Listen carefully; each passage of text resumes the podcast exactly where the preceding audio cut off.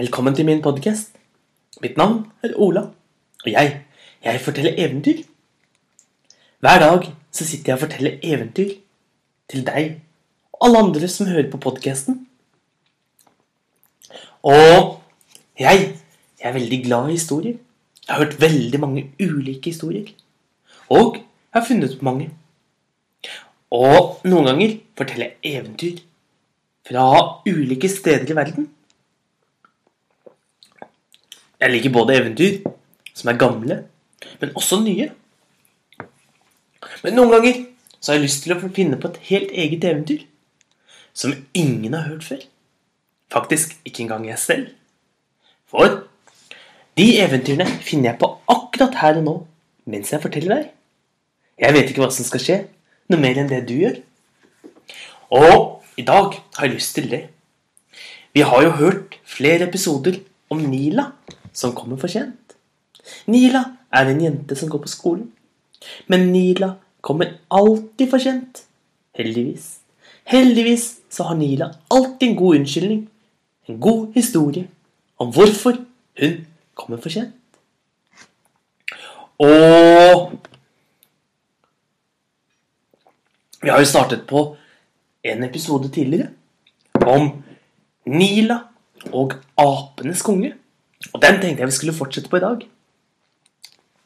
Jeg husker at Nila hun var på vei hjem fra skolen.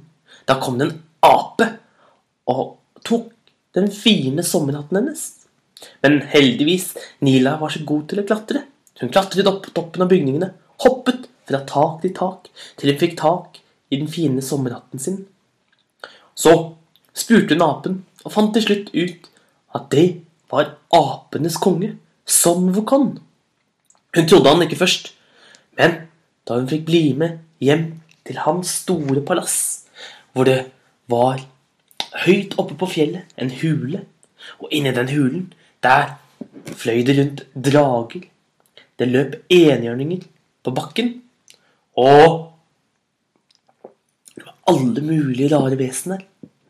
Det siste vi husker, er at eh, Nila og Sonvokon, Wukon red på den mektige, røde dragen Aokin over havet for å se på solnedgangen.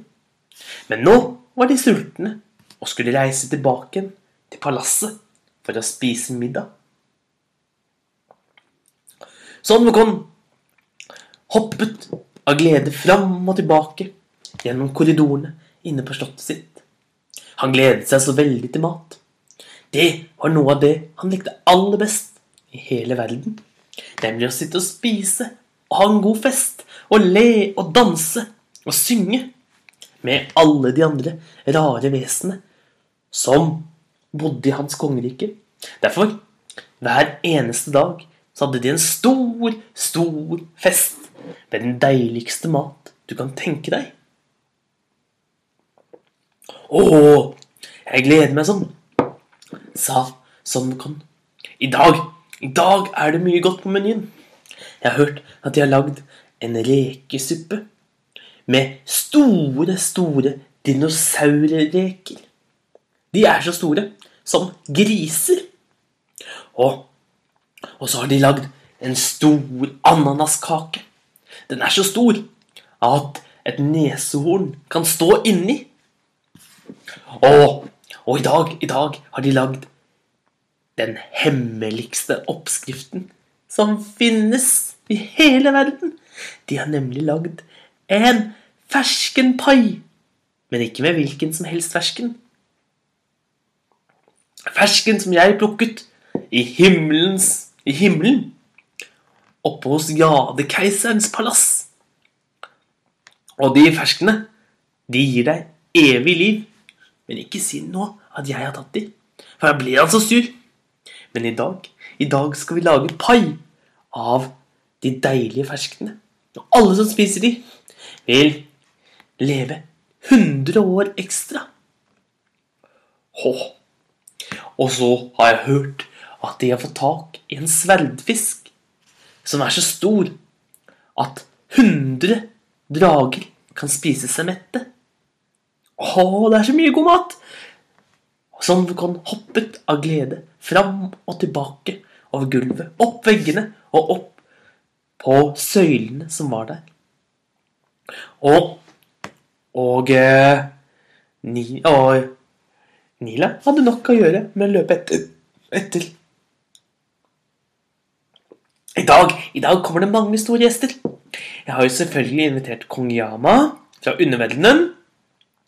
Og, og så kommer jo, kommer jo Jadekeiseren. Og selvfølgelig alle de fire dragekongene. Og så har jeg invitert enhjørningene og havhestene og Og sånn var han ramset opp alle de ulike som kommer. Så mange som kommer til festen i dag. Dette blir kjempegøy.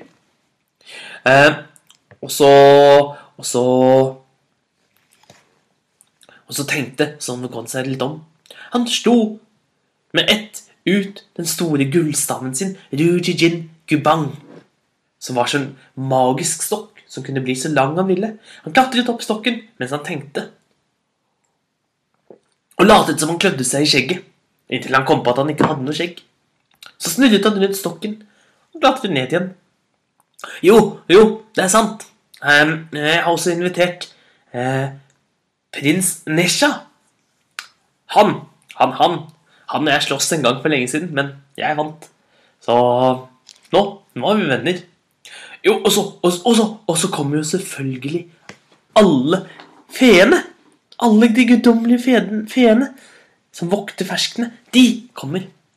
Ja, og så kommer mor dronning. Hun må jo selvfølgelig komme. Eh, men hun er så gammel. Men ikke si det til henne. Det liker hun ikke å høre. Jeg har hørt at hun er en million år gammel. Hysj, sa Sonnekan. Og jo, og så til slutt så kommer Buddha. Buddha, han kommer jo selvfølgelig. Men nå, nå, nå begynner festen. Kom! Og han åpnet døren inn til tronsalen. Det var den fulleste tronsalen som Nila noen gang hadde sett. Det var mat overalt. Noen av bordene var små. Her skulle maurene edderkoppene sitte. Så var det noen bord som var litt større. Der skulle musene, hamsterne og eh, alle de små babykaninene sitte. Det var bord oppe i luften til alle fuglene. Det var bord nedi vannet til alle fiskene. Og så kom de virkelig store bordene. Først på det ene bordet satt de fire dragekongene. Og de dragene var så store og mektige. Og de hadde et gigantisk bord foran seg, laget av gull. På et annet bord satt alle de tolv generalene. De satt der med sine rustninger og sverd ved siden av seg. Og de glinset slik som solen glinser i vannet. Og på et gigantisk bord for seg selv, der satt Buddha med en kjempestor mage. Nila tittet og tittet. Men så fikk hun øye på noe veldig rart. På det ene bordet, der satt det mange høye, store vesen. De så ut som eh, Han ene så ut som en kamel, og en annen som en ape og en løve. Men de så også veldig fryktelige ut. Veldig skumle og store. Hvem er de? spurte. Spurte Nila hviskende til Somnokon. Og, og de, sa Somnokon, det der, det er alle de demonkongene. Og de, de er bestevennene mine, sa Somnokon. Du har litt eh, rare venner, sa, sa Nila. Jo visst, men jeg er den rareste av alle, brølte Somnokon av latter. Og så kastet han seg opp, opp i luften og landet rett på nesen og danset rundt på nesen. Bare se! Jeg er helt klart den rareste av oss alle. Tusen takk for så fine ord. Og hvordan det går videre med Nila og apenes konge, det skal du få høre i neste episode. Ha en god dag, så ses vi igjen en annen dag.